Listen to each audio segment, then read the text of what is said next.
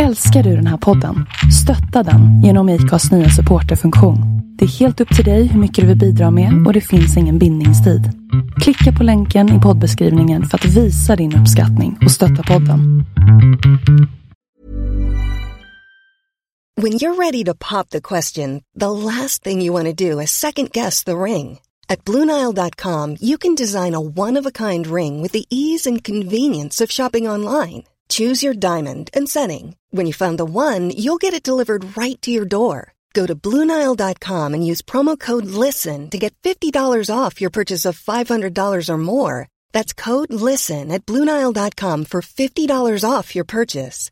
Bluenile.com code LISTEN. Ryan Reynolds here from Mint Mobile. With the price of just about everything going up during inflation, we thought we'd bring our prices down. So to help us, we brought in a reverse auctioneer, which is apparently a thing. Mint Mobile unlimited premium wireless. Ready to get 30, 30, bit to get 30, bit to get 20, 20, 20, bit to get 20, 20, bit to get 15, 15, 15, 15 just 15 bucks a month. So, Give it a try at mintmobile.com slash switch. $45 up front for three months plus taxes and fees. Promo rate for new customers for limited time. Unlimited more than 40 gigabytes per month. Slows. Full terms at mintmobile.com. Mitt namn är Linda Hörnfeldt och du lyssnar på avsnitt 116 av We Are Influencers. Det har gått två år sedan Isabella Lövengrips bolagsimperium havererade och det här skedde efter en granskning av journalisten Frida Sundqvist som är gäst i den här extrapodden av We Are Influencers. Nu ska Isabella Lövengrip återigen rebranda sig själv och släpper i dagarna en bok om sitt liv och vad som hände efter Expressens avslöjanden. Jag och Frida sitter av den här anledningen ner och pratar om varför det var just den här granskningen som fick Lövengrips kunder att dra sig ur. Vi pratar om de 20 granskande frågorna som Frida faktiskt aldrig fick svar på. Och Frida frågar sig också varför influencers på traditionellt manliga områden inte regleras lika hårt som kvinnorna. Det här är en lite annorlunda intervju eh, som grundar sig i någonting som jag tycker är väldigt viktigt. I och med att influencerbranschen baseras helt och hållet på trovärdighet och förtroende, eller åtminstone bör göra det. Av den anledningen så tycker jag ju att det är väldigt intressant det här med Isabella och hur hon någonstans lyckas liksom forma om sin image eh, när det inte går bra längre. Eh, så att eh, om du också tycker att det här är ett väldigt fascinerande eh, ämne och ehm, eh, en fascinerande profil, då tycker jag att du ska lyssna vidare på den här intervjun med journalisten Frida Sundqvist.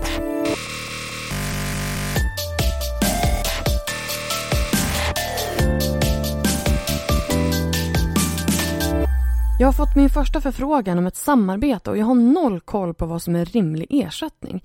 Jag har ju inte så stort konto. Är det lön i form av kläderna jag får som gäller då? Är det något mer jag bör tänka på? Känner du igen dig?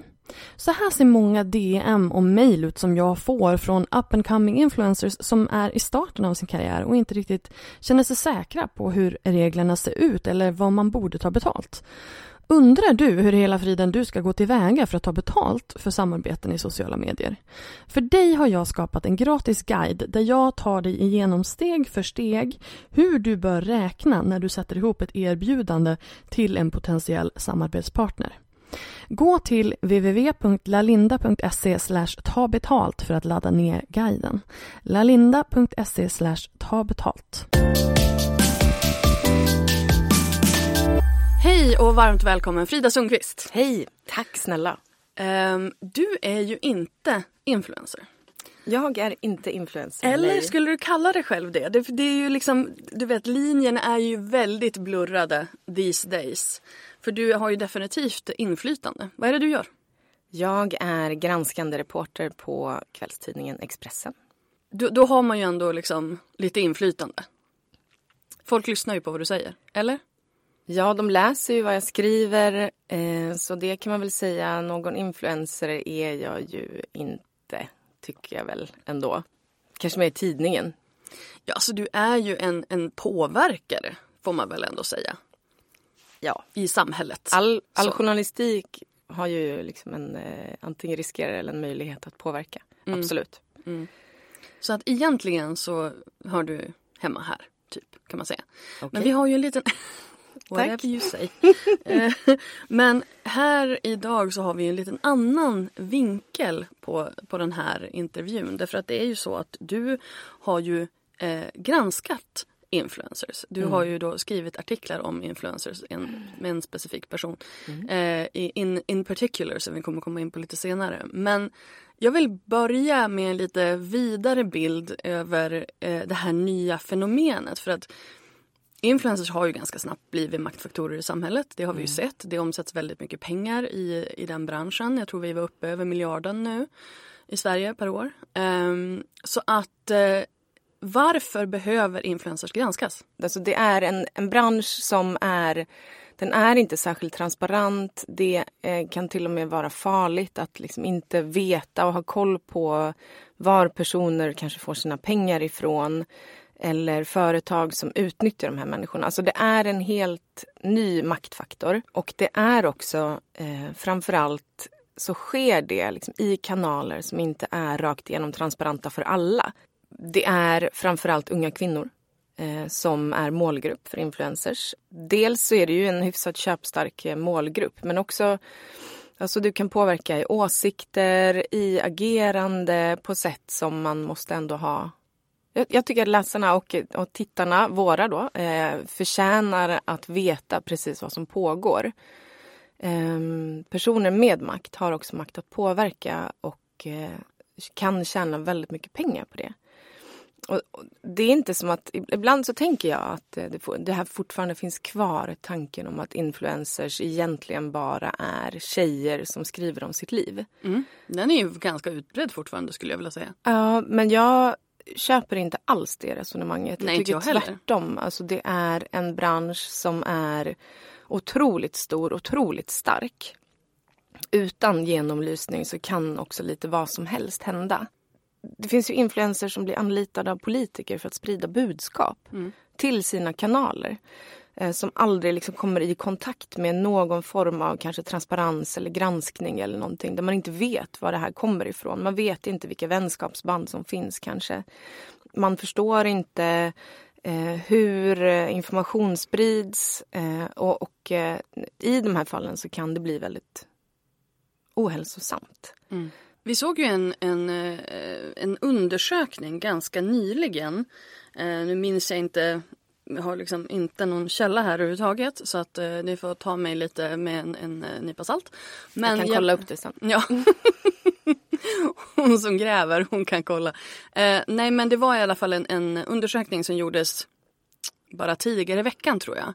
Där man frå, hade frågat ungdomar eh, om, om de litade på eh, de som de följde i sociala medier. Och, och det här var ju då speciellt gällande coronarekommendationer och restriktioner. Och då sa de att de flesta inte kanske nödvändigtvis litade på att de här influencersna hade kunskapen. Men de följde ändå deras råd. Vad gällde liksom då rekommendationerna och restriktionerna. Eh, så det tycker jag ändå är så här... Och det tycker jag är väldigt så jämförbart med typ våra kompisar. Alltså det är inte, det är inte kanske så att jag tror att du, eller ja, du har ju koll, men att liksom mina vänner har stenkoll inom ett ämne. Men jag lyssnar ju hellre på dem än inte ha någon information alls. Liksom, eftersom att det är ju en kompis till mig och jag får den informationen från dem. Och så är det ju lite grann med influencers också. Ja. Men tänk då det som du säger nu att man följer kanske influencers råd om pandemin. Tänk då om någon av dem skulle vara sponsrad av en antivaccinationslobby. Mm. Och du inte har någon aning om det. Och så följer du de råden. Och man, det, behöver den faran inte, ja, precis, finns. och man behöver inte annonsmärka politiska budskap. Det visste jag inte att man inte måste göra. Alltså, jag är inte hundra procent, men jag tror inte det. Även om du får betalt. Ja. Måste jag kolla upp. Det låter jätteviktigt inför Ja, valet att hålla koll på det. hur? Oavsett vad så, så tror jag också att man... Eh, det kanske inte spelar någon roll även om man annonsmärker just ett politiskt budskap. För just det kan du påverka så otroligt mycket. Men då för en person behöver inte köpa någonting, lägga ut sin, liksom sin Ja, privatekonomi men på precis. någonting. Men det är det jag menar, liksom om antivaxlobbyn liksom köper in sig hos en influencer och den personen pratar om det utan att behöva annonsmärka. Mm. Det är ju ett jättestort problem. Och ibland så kanske de gör det utan att annonsmärka ändå. och det är där sådana som vi kommer in i bilden. Well hello! Okej, okay, men hur kom du in på det här med influencers? Va, va, vad var det som liksom fångade ditt, ditt öga när det gäller att granska influencers? Ja, jag, jag har ju faktiskt inte det svaret som jag tror att du vill ha. Tyvärr. jag vill ehm, faktiskt inte ha något specifikt svar. Nej. Jag vill ha det ärliga, ja, förtroendeingivande. Exakt. Svaret. Uh, jag ska lägga in en, en, en liten brasklapp här. Linda och jag vi faktiskt känner varandra lite. Uh, vilket gör att jag har väldigt svårt att, att slingra mig undan. nej men så här är det. Min historia lite kort. Jag började som ekonomireporter 2008, Nyhetsbyrån Direkt. Och då kom en finansiell krasch Eh, och jag kunde inte slita mig. jag tyckte det var jätteroligt. Sen höll det i sig. Sen jobbade jag på, jag har jobbat på Dagens Industri. Jag har varit på eh, Svenska Dagbladets näringslivsredaktion. Och nu är jag på Expressen och är granskande ekonomireporter. Och eh, hösten 2008 då, då var jag på Expressen. Då blev det en ganska stor nyhet av att Isabella Löwengrip... 2018? Ja, sa jag 2008 nu? Mm. Ja, 2018 att, en stor nyhet att Isabella Lövengrip hade en, eh, hon hade en ex-pojkvän eh, och fick lämna landet och hela grejen. Och det var affärer och det var anklagelser och så. Och eh, i det så gjorde jag en intervju med honom. Jag fick tag på honom, hittade honom eh, kanske för att jag har varit just ekonomireporter. Mm. Eh, och gjorde en intervju med honom och på det från den intervjun som jag gjorde så fick jag väldigt mycket tips om henne. Mm. Och det är så. Så min historik av att granska influencers, den börjar med Isabella Löwengrip. Mm. Och det är hon som är skälet till att vi sitter här idag. Ja, för att eh, någonstans... Jag hade tänkt att jag skulle ta några andra frågor innan vi gick in på det här men nu, nu blev det bara liksom vattenrutschkana rakt in i ämnet. Mm, vi kör. Eh, vi kör. Eh, du skrev ju, alltså jag, jag har liksom så privat när jag när jag berättar vem du är så brukar jag så här skämtsamt hänvisa till dig som kvinnan som tog ner Isabella Löwengrips imperium. Eh, mm. Men det stämmer väl ändå ganska bra? Jag säger pass svårt. ja. Jag gjorde en ganska omfattande granskning som jag höll på med i flera månader. Eh, som punkterade eh, en del av hennes verksamhet kan man säga. Det var ett, det var ett eh, mer eh, diplomatiskt eh, variant av det jag sa. Eh, men och, och hur, kom sig, eh, hur kom sig detta från början? Du gjorde en omfattande granskning på vad? Från hösten 2018 till slutet av september 2019 när vi publicerade så genomgick Isabella Lövengrip en otrolig resa. En otrolig liksom, framgångssaga. Jag, eh, man kunde läsa om henne nästan överallt. Hon fick eh, väldigt mycket uppmärksamhet för sitt privatliv. Hon var också väldigt skicklig på att bjuda in media och bara någon dag eller två dagar efteråt så lanserade hon en produkt eller någonting i sitt företag. Hon var otroligt skicklig. Hon har alltid varit en PR-drottning. Ja, mm. verkligen. Eh, men det gjorde också att hon ständigt syntes. Mm. Eh, och då börjar man till sist... Alltså det fanns ganska mycket brus om henne också. Många som det var under den här tiden hon blev utsedd till vad var det, Sveriges mäktigaste kvinna. Nej, jag tror näringslivets mäktigaste kvinna. Jag tror faktiskt det var lite innan. Okay. Eh, men hon mm. skulle bli, eh, hon, skulle, hon, hade, hon hade sitt sommarprat i juni. Mm. Jag tror hon var den första, jag tror till och med hon inledde om jag inte minns fel. Hon eh, skulle flytta till USA, hon skulle aldrig mer vara i Sverige, hon skulle bli världens mäktigaste näringslivskvinna. Mm. Eh, mycket sånt. Eh, otroligt inspirerande får jag ändå säga också. Mm. Man får säga någonting Det var stora, liksom. stora mm. växlar. Verkligen. Men jag tror jag började min granskning kanske i april det året. Mm. Ja, jag minns inte. Jag höll på ganska länge eh, med det. Eh, för att om man ska göra någonting så ska man göra det ordentligt. Ja, speciellt om man är granskande journalist, då ska man definitivt göra det. Ja, exakt. Och gärna inte flera artiklar. Men ska jag läsa eh, ingressen kanske så kan ja. vi utgå ifrån det. För den här ja. publicerades den 25 september 2019. Mm. Det är ganska precis två år sedan. Mm. Hon framställer sig som en internationell affärskvinna med målet att bli mäktigast i världen. I höst expanderar Isabella Löwengrip sitt imperium till andra sidan Atlanten. Men Expressens granskning visar att Lövengrips siffror är uppblåsta och nu kliver missnöjda kunder fram och kritiserar hennes affärsmetoder.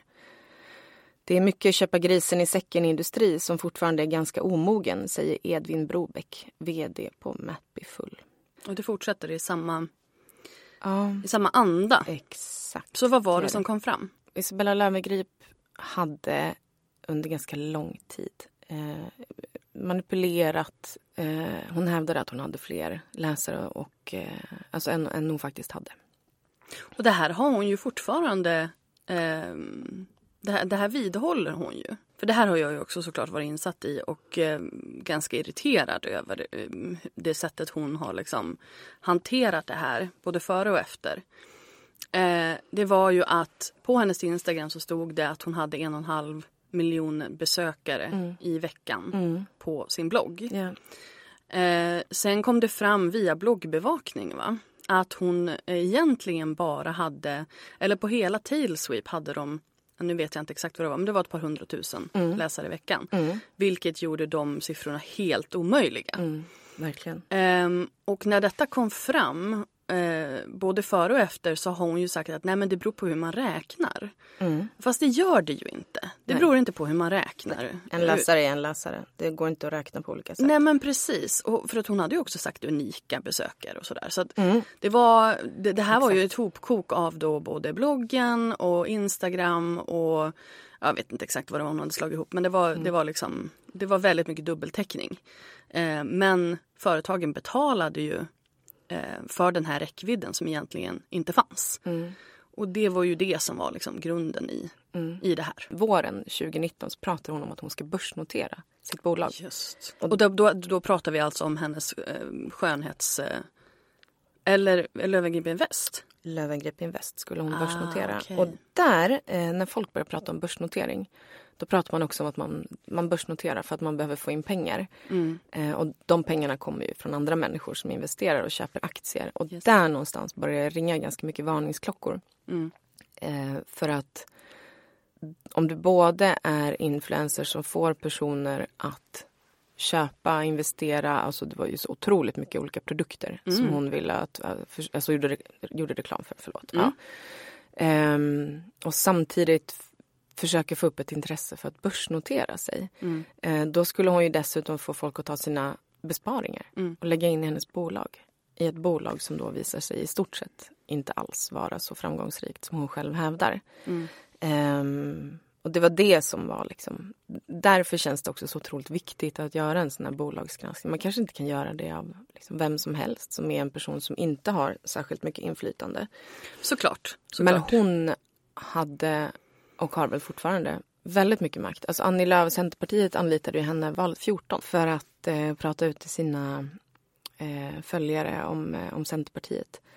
Eh, den sortens makt är liksom så viktig att granska och till sist så går det också så långt att det finns liksom ingenting annat att göra. Nej, och det här var ju liksom ett luftslott. Hon åkte ju, eh, hon åkte ju privatjet. Hon köpte svindyra väskor. Hon hade en jättestor villa på Lidingö. Alltså hon, hon strösslar ju pengar runt sig som att hon hade guldbyxor. Och hon hade ju inga pengar. Det här var ju liksom...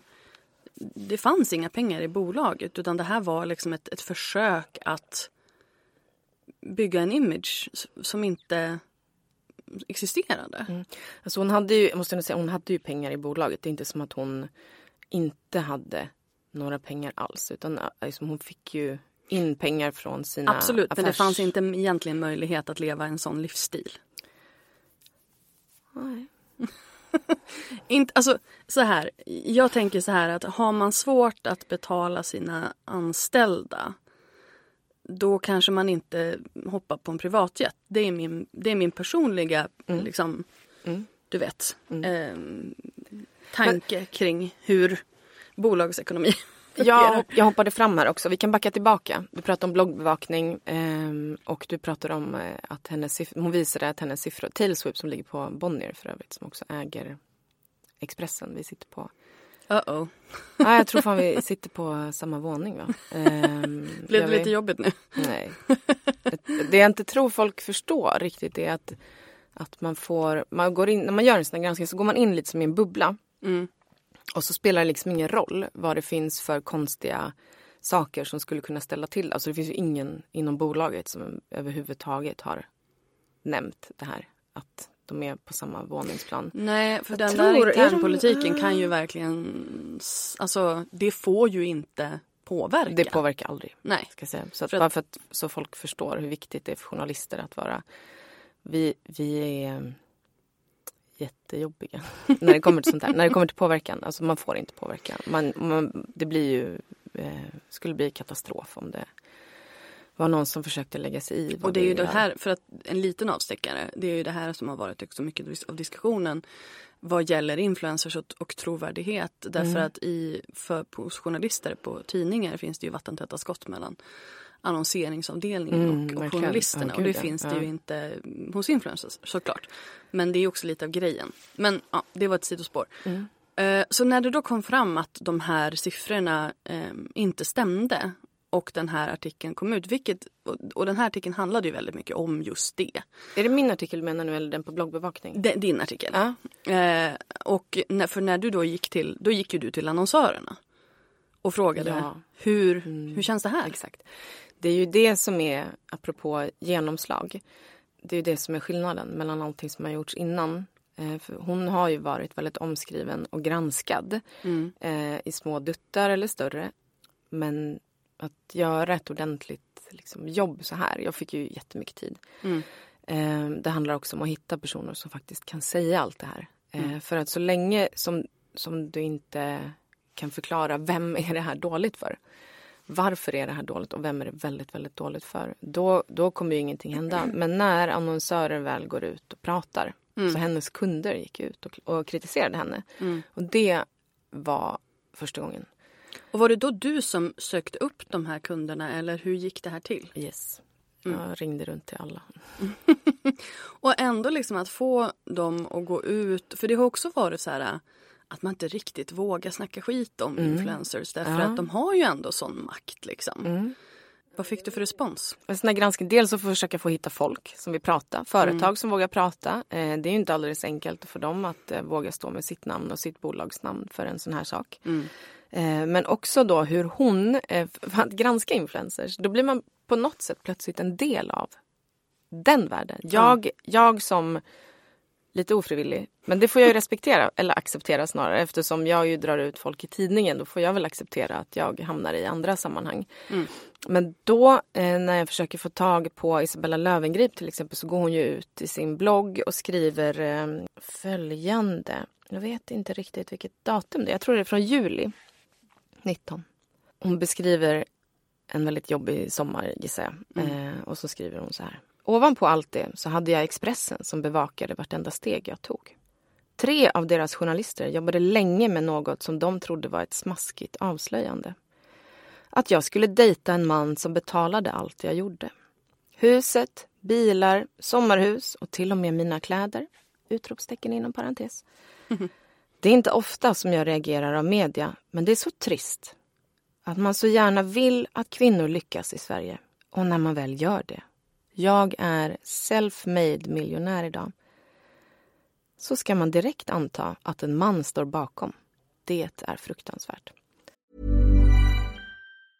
I'm Sandra, and I'm just the professional your small business was looking for. But you didn't hire me because you didn't use LinkedIn jobs. LinkedIn has professionals you can't find anywhere else, including those who aren't actively looking for a new job but might be open to the perfect role, like me. In a given month, over 70% of LinkedIn users don't visit other leading job sites. So if you're not looking on LinkedIn, you'll miss out on great candidates like Sandra. Start hiring professionals like a professional. Post your free job on linkedin.com/people slash people today. Hey Dave, Yeah, Randy. since we founded Bombus, we've always said our socks, underwear and t-shirts are super soft. Any new ideas? Maybe sublimely soft. Or disgustingly cozy? Wait, what? I got it. Bombus. Absurdly comfortable essentials for yourself And for those facing homelessness. because one purchased equals one donated. Wow, did we just write an ad? Yes. Bombas. Big comfort for everyone. Go to bombas.com slash ACAST and use code ACAST for 20% off your first purchase. There's never been a faster or easier way to start your weight loss journey than with PlushCare. PlushCare accepts most insurance plans and gives you online access to board-certified physicians who can prescribe FDA-approved weight loss medications like Wigovi and Zepbound for those who qualify. Take charge of your health and speak with a board-certified physician about a weight loss plan that's right for you. Get started today at plushcare.com slash weight loss. That's plushcare.com slash weight loss. plushcare.com slash weight loss. Och det här är ju lite kärnan i eh, också vad influencers kan vara för mig. Den påverkan som de har. För att i det här så får de ju personer som kanske inte läser Expressen och som absolut inte har en aning om att jag är en granskande reporter. Eh, att tro att vi faktiskt är ute efter henne för att hon är kvinna. Mm. Eh, och att vi tycker att på något sån här jantemaner skulle vilja sänka en kvinna för att här får du minsann inte sticka upp. Men vad var grejen med den här killen? Var, var det, var, hade hon rätt? Eh, Hon skriver om Erik Selin, han är ju miljardär. Mm. Eh, och, eh, Men just det här att han skulle ha stått för hennes hus och hennes kläder och allt vad det var. ja, det vet jag inte faktiskt. Nej men det var inte, det var inte, det, det var inte sant att det var det ni var ute efter i den artikeln. Nej, alltså det vi, nej nej. Det vi var ute efter i den här artikeln, det framgår ju ganska tydligt också av artikeln. Eh, men vi har också tittat på alla möjliga andra aspekter. Under Mm. ett arbete så tittar man ju på flera olika saker. Där ibland försöker man ta reda på var kommer pengarna ifrån? Betalar hon för allt? Eh, och så vidare. Mm. Ehm, För jag tycker ändå att det är viktigt att... jag ska liksom- säga, hon har aldrig bara fått en fråga om det finns en man som betalar för allt. Nej. Eh, jag har ju skickat jättemånga frågor till henne. Hon har alltså aldrig fortfarande ställt upp på en intervju med mig eh, efter det här. Varken innan eller efter. Och det tycker jag är väldigt tråkigt. För det är också en sån sak att du försöker styra flödet eller du försöker styra informationen så att du väljer att inte svara på de kritiska frågorna och sen så kan du stanna kvar i din bubbla. Såklart, det här handlar ju om hennes... Hon är ju extremt duktig på att styra sin image. Mm. Och det har hon ju alltid varit. Jag Mm. menar hon byggde ju Blondinbella från scratch. Ja, otroligt imponerande också tycker jag. Ja, men det är ju också problematiskt på det sättet att det blir ju väldigt... ehm, det blir ju också väldigt manipulativt. När man... Och det har hon ju varit, det har hon ju varit ärlig med och, och sagt på olika föreläsningar så här att hon har anpassat när hon skriver blogginlägg på dagen nu efter hur hangry de som läser är. Liksom. Så det är ju väldigt... ehm, alltså jag tycker att det är en väldigt fin linje mellan strategi och mm, manipulation. Mm. Och jag tycker att hon korsar den ganska ofta. Ehm, så att det som är... Men, men får jag bara gå tillbaka till Mm. den här. För du, du sa innan eh, att ni hade skrivit eh, en artikel om en kille som hon dejtade för, på grund av hans finanser. Var det den här snubben? Nej, nej. Nej, nej, nej. Okej. Nej. okej. Eh, nej, hon har ju senare gått ut och, och det blev ju ett officiellt förhållande med Erik Selin som är fastighetsmiljardär i Sverige. Mm, okej. Som äger stora börsnoterade fastighetsbolag. Eh, I alla fall ett stort. Eh, nej, nej, absolut inte. Nej, han försvann ju. För jag tänkte jag ville bara för de som inte har koll Ja, så jag vill jag förstår. bara liksom få ihop Oh. det här. Va- varför hon skulle skriva så. Jag förstår ju att det är för att ändra narrativet såklart. Men, liksom, men vad, uppenbarligen så har ni grävt i den här snubben. Och vad, är, Mm. vad har det varit på grund av? Men då förstår jag ju det att follow the money. Liksom. Ja, verkligen. Mm. Det är väldigt intressant att du nämner ordet manipulation. För i början av vårt samtal nu så frågade du mig eh, varför det är viktigt att eh, granska influencers. Mm. Och nu kommer jag faktiskt på det på ett mycket kortare, kärnfullt sätt än jag sa i början. Att gränsen mellan att påverka och att manipulera är ibland hårfin. Mm. Och risken finns också att de här personerna med så mycket makt lyckas manipulera människor snarare än eh, transparent få dem att ta del av produkter eller idéer som man får betalt för Mm. och kan finansiera sitt, sitt liv. Eh, men gränsen är otroligt... Den är hårfin. Alltså, den är, vi ser ju det inte bara med, med influencers där jag ändå... mm, Som, där det riktas mycket mot, mot unga kvinnor. Men vi ser ju samma sak inom eh, liksom politisk kommunikation. Mm. Hur det i alla tider har använts. Eh, sen är det intressant kanske också som aspekt att det framför allt liksom finns ett regelverk och diskuteras kring just kvinnliga influencers. Mm. Eh, men kanske inte alls lika mycket då inom så manliga. som är det lite mer manliga ämnet som till För jag- exempel aktier som jag också skriver om. För det är ju helt liksom otrans... Alltså det är ju helt, Ja. helt nästan... Nu är det här helt ogranskat men jag vet inte hur lång tid det tar för dig att klippa. Vi kanske inte, det kanske inte är helt ogranskat när den kommer ut sen. Och där kan man prata om manipulation. Där Mm. får de verkligen folk att... att eh, ehm, Och man får ju inte ge aktietips. Alltså vem som helst får ju inte ge aktietips. Alltså att, att, att köp, köp eh, rekommendation. Du kommer ju runt det genom att säga att det här inte är en rekommendation. Nej, det är sant. Jag har köpt det här men det här är inte en rekommendation. Nej, okej. Eh, Så regelverket där är väldigt, eh, väldigt, väldigt tandlöst. Men, eh, men för, för till exempel liksom, eh, med annonsmärkning och så vidare när det gäller just eh, de sorters influencers som kanske lyssnar på oss idag. Där är det mycket mer omfattande och liksom, man håller koll på varandra och eh, man försöker sköta det bra och man håller framförallt koll på bolagen som, eh, som beter sig inte särskilt bra. Liksom. Men det är ju liksom för att, för att bredda det där lite grann. För jag vet att jag kommer att få frågan, för det här får jag ofta. Varför, eh, alltså det, och det här ordet har ju även använts av Isabella. Att det är liksom en häxjakt på influencers. Eh, att, att det alltid är eh, influencers och främst kvinnliga influencers då, då som granskas både av liksom RO, KO och Skatteverket och journalister. Och varför går man inte på företagen som utnyttjar de här, ehm, de här liksom, personerna? Vad, vad har du att säga till ditt försvar? Ja, vad jag säger till mitt försvar. Eh, ja. Bra fråga. Man kan inte utesluta att man ska göra en granskning. Jag, alla får gärna tipsa mig också. Alltså, hör av er om, ni, om det finns bolag som ni tycker är riktigt förjävliga och som inte kan bete sig. Du har ju Ehm, fått en lista av mig. Ja, jag har fått en lista. Det är korrekt. Ehm, nej men, eh, jag tror att det också handlar mycket om eh, kanske makt och kanske att det måste vara ganska stort och ganska omfattande för att man ska kunna lägga den sortens tid som krävs. Det, det tar som, det, liksom Isabella Löwengrip höll jag på med i flera månader. Förvisso parallellt med annat såklart som jag också gjorde. Men jag höll ändå på med det i flera månader. En Det du sa granskning. till mig också var ju att det här att det måste finnas ett allmänintresse. Mm, ja, ja, absolut. Att liksom det här, är ju, det här tar ju upp en väldigt stor del av min värld. Och jag förstår ju att de som jobbar med det, att det tar upp en stor del av deras också.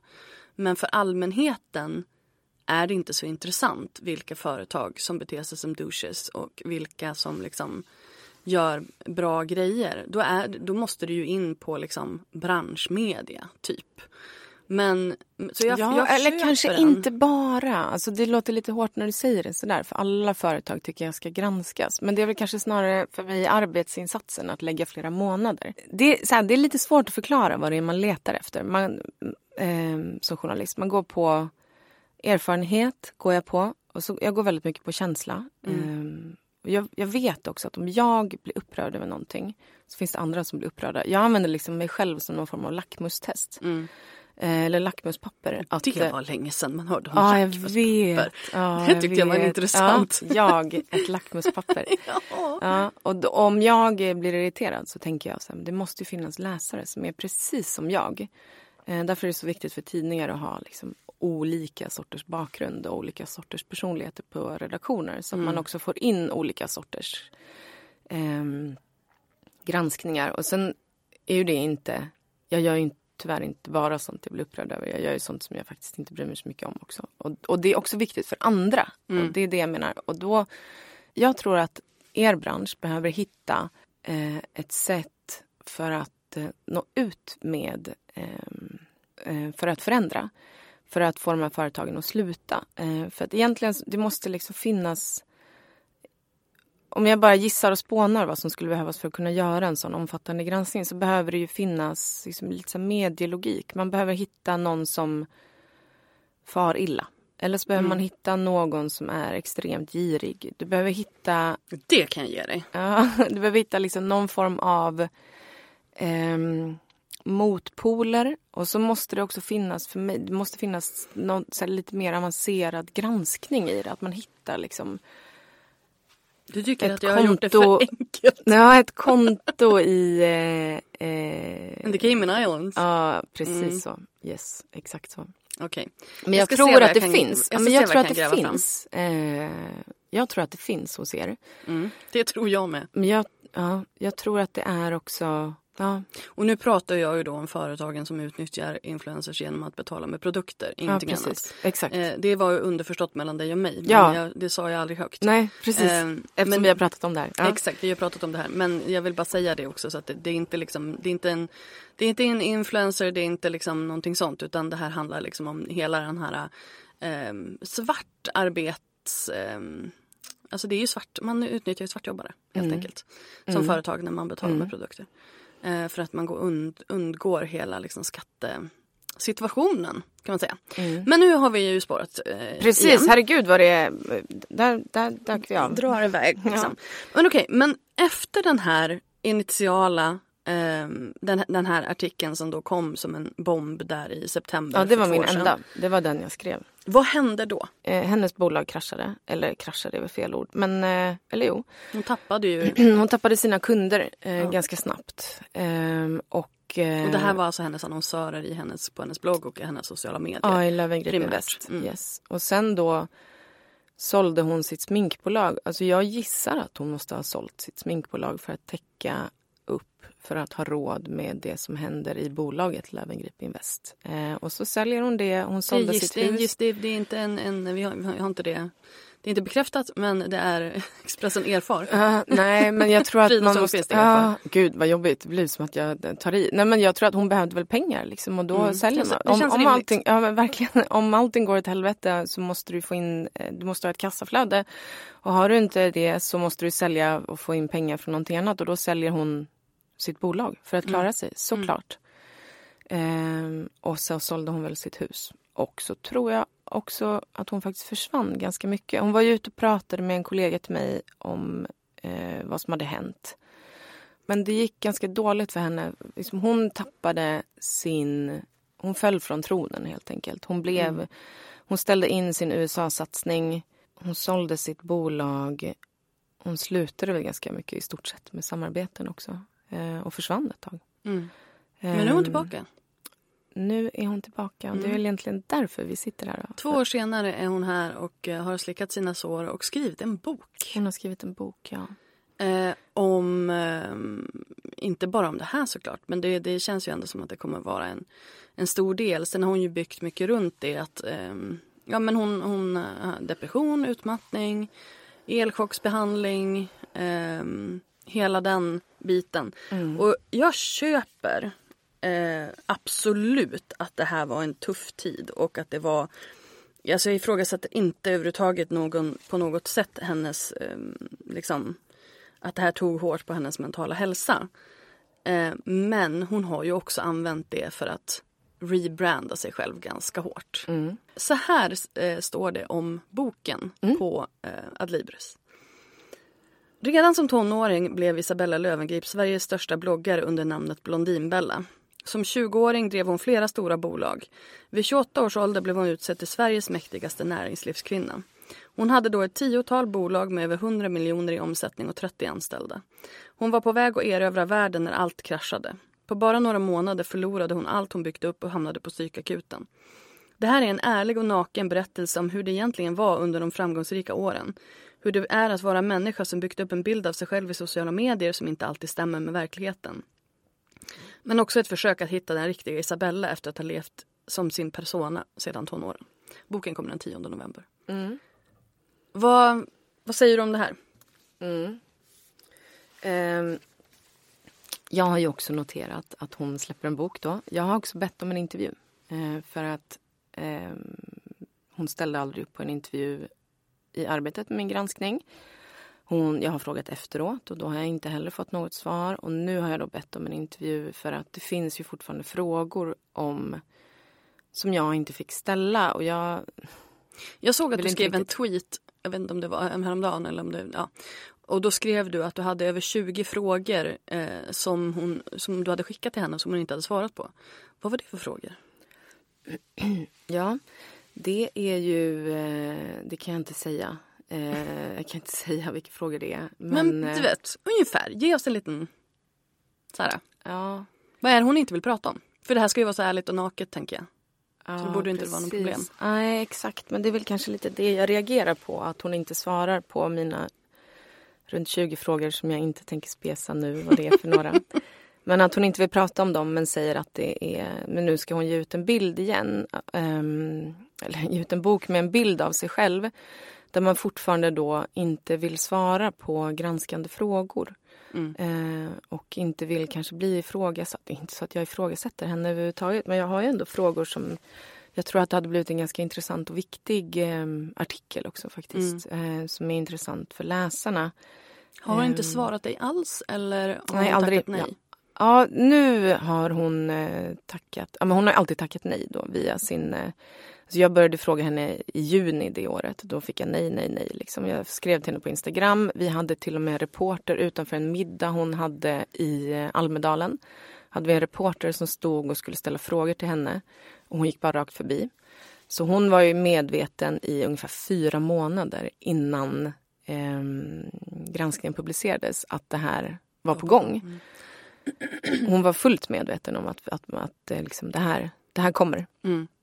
Ingen som hamnar i tidningen i en sån granskning är ju oförberedd någonsin. Eh, Nej, det är klart. De, kommer, de får ju en, en chans att, vara, att säga sitt. Ja, många chanser verkligen. Och det så, framförallt så vill man ju gärna att de ska vara med och förklara. Mm. Eh, men det, det ville hon inte.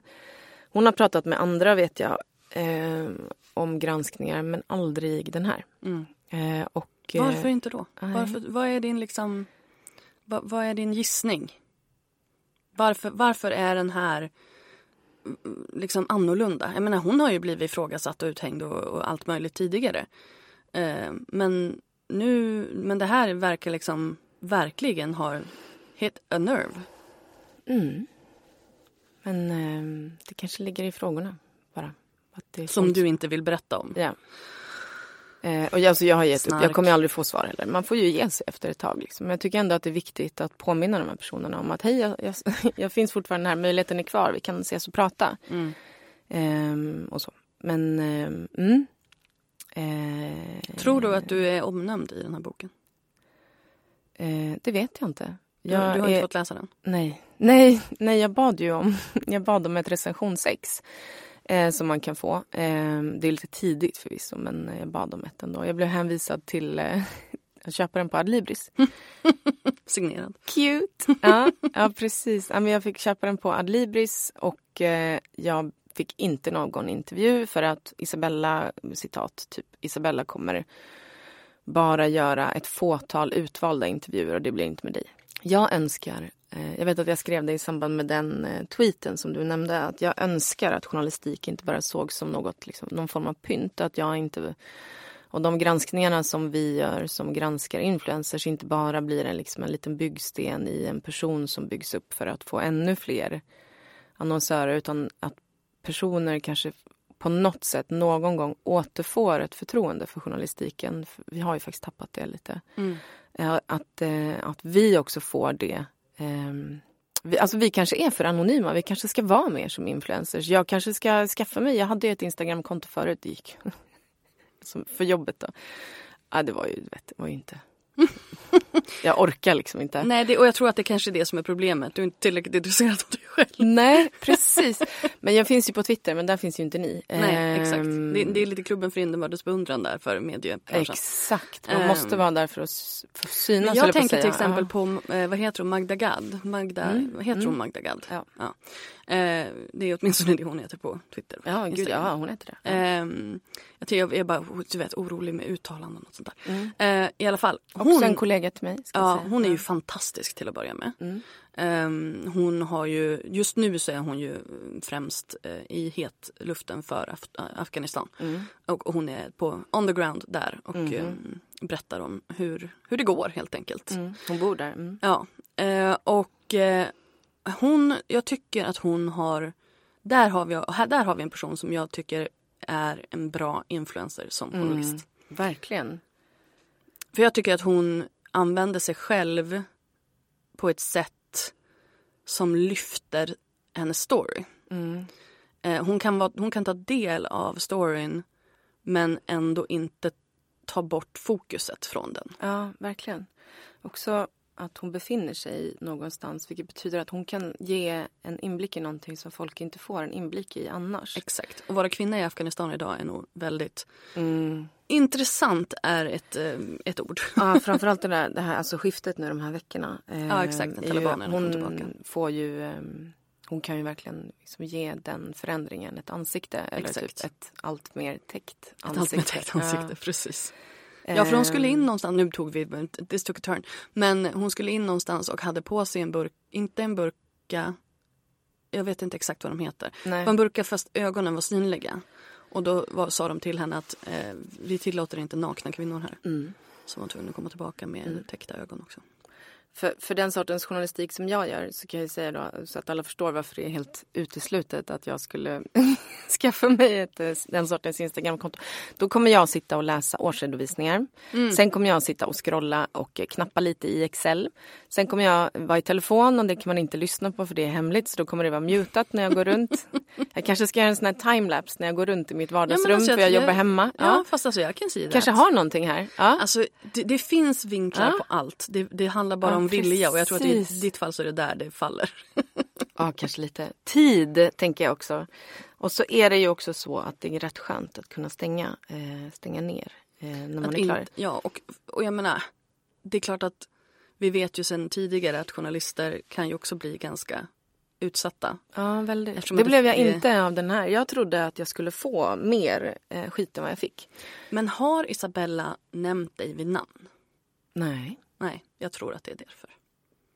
Ja, fast, ja precis. Annars hade, Ah. de, annars hade de nog hittat dig. Du menar så, att hon Mm. skulle kunna skicka en eh, svans efter mig? För det är ju så det görs. eh, Absolut. nu tycker jag oftast ändå att kvinnor är oftast lite schysstare. Ja, det tycker jag med. Men, men ah, hon skulle absolut kunna skicka folk till din Twitter, liksom, till exempel. Please don't if you're listening. Mm. Ja, Men-. Det spelar ingen roll kan jag säga också, jag är så van. Ja, men, men eh, alltså för att återgå till den här boken. Alltså som sagt, jag, det råder inget tvivel om att det har varit tuffa år för Isabella och det tar jag inte Mm. bort på något vis. Nej, verkligen. Hon är väldigt duktig på att rama in en comeback. Mm. Eh, och att någonstans bygga en ny image baserad på ehm, de förutsättningar som finns. Mm. Men personligen så tycker jag inte att det känns genuint. Och jag känner väl att ja, det, det är lite det är lite som att följa liksom en, en dokusåpa. Man säger ja, vi ser vad som händer härnäst. Mm. Men det, jag skulle, alltså liksom förtroendet för henne är ju sedan länge liksom förintat i mig. Mm. Varför tycker du att det är viktigt att vi ska att journalister granskar influencers och branschen? Förutom det du nämnde med företagen. Tycker du att det är viktigt att vi granskar dem? Absolut. Absolut. Därför att av precis den anledningen som du säger att influencers är makthavare. Mm. Och personligen så tycker jag ju att för, alltså förtroende är en influencers enda ehm, tillgång. Enda valuta, enda liksom det är det enda man har att jobba med. Mm. Har man inget förtroende hos sina läsare så kommer man aldrig kunna sälja något. Nej. Oavsett om det är ens egen produkt eller någonting annat. Om det nu inte finns en, en sensationell vinkel på det Mm. hela. Och man liksom har passerat någon form av kändisskapströskel. Vilket Mm. Isabella i det här fallet såklart har Ja, gjort. verkligen. Så där finns det, hon kommer ju sälja böcker på sensation. Ehm, Det beror ju på vad och som... Alltså, så här, jag- nyfikenhet. det kanske också består, be, alltså, beror Alltså på hon kommer ju, det finns jättemånga som fortfarande stöttar det. Det är inte så jag menar. Men hon kommer sälja väldigt många böcker för att folk är nyfikna. Mm. Inte för att folk nödvändigtvis tycker att hon är en fantastisk person. Jag hoppas så att, att bilden av eh, den här granskningen och liksom granskningen av hennes imperium, för att vara schysst då, eh, kanske blir väldigt transparent och ärlig. Eh, så att det inte blir som en... eh, en eh, ja, jag hoppas det. Att hon liksom vågar vara ärlig om, om, om vad, som, vad som har hänt. Jag också Tror skickat, du det? Nej men jag hoppas. Jag vill skicka en liten uppmaning. Nu tror inte jag, jag vet inte om de lyssnar. Men de, den lilla handfullen journalister som ska göra de här utvalda intervjuerna med henne. Eh, fråga henne gärna varför hon inte svarar på alla frågor om granskningarna. Så kan man verkligen gå vidare om man inte är klar. Mm. Eh, eh, jag är ju förvisso klar. Men, eh, men jag, Uppenbarligen så är det, det, det är någonting som skaver. Men jag tycker ju att folk ska kunna vara transparenta och svara på frågor. Jag tycker det är en självklarhet. Om du har makt att tjäna pengar i det offentliga Mm. och du har visat sig att du har gjort någonting som inte är okej, Mm. som inte är schysst eller som inte är riktigt sant. Eh, om du säger att du ska gå ut och börsnotera ditt bolag och så visar sig bolaget till stora delar inte alls vara fungerande eh, eller hänga på en skör tråd eller Mm. att du har maxat dina intäkter som hon har gjort på ett sätt som gör att du liksom inte kan behålla, alltså det är en ohållbar affärsmodell. Mm. Men då måste ju allmänheten få veta det. Eh, det är svinviktigt. Alltså, och, och det är viktigt eh, på samma sätt för alla. Jag vet att Svenskan gjorde en granskning, och den, en pågående granskning nu av eh, Sara Brännström och jag kommer inte ihåg vad den manliga reportern heter, förlåt. Ehm, av eh, låneföretagen. Eh, så de började med Bianca Ingrosso och hennes eh, smink, eh, sminkbolaget. Mm. Exakt. Och att man då får en eh, så jättemånga erbjudanden om att låna pengar. Mm. Och där har vi såna extrema liksom, faror med det här eh, med, med influencerbranschen och därför är det så viktigt att journalister finns. För det där kan ju ganska enkelt, i alla fall med den här sortens granskningar tvingas de sitta möta och diskutera det. Är det här hållbart? Nu är det här uppe i ljuset, det som vi håller på med. Är det schysst att göra så här? Är det bra att skicka 20 stycken erbjudanden om lån till 16-åringar eller Det 18-åringar? vore som bara nice generellt om folk hade lite mer skrupler, känner jag. Ja, jag tycker det vore jävligt nice om folk liksom Tog ansvar. tog ansvar och slutade lura folk. Det tycker jag, alltså det, där tycker jag vi kan stänga den här boken och, eh, och uppmana folk till att helt enkelt vara lite mer schyssta. Ja, var Ja. lite schyssta Mm. så slipper ni mig. Exakt. Tack snälla Frida för att du tog dig tid att vara med här idag. Tack snälla för att jag fick vara med. Det var jätteroligt. Det var det. Jag hoppas verkligen att du har fått några nya insikter, några små aha-upplevelser eller bara lite härlig inspiration av det här avsnittet. Om du gillar podden så får du hemskt gärna stötta den genom att ge den ett betyg, eh, gärna ett högt- sådant, i din närmaste podcast-app. Och glöm inte att connecta med mig på Instagram, lalinda. Vi hörs nästa gång. Sköt om dig så länge. Hej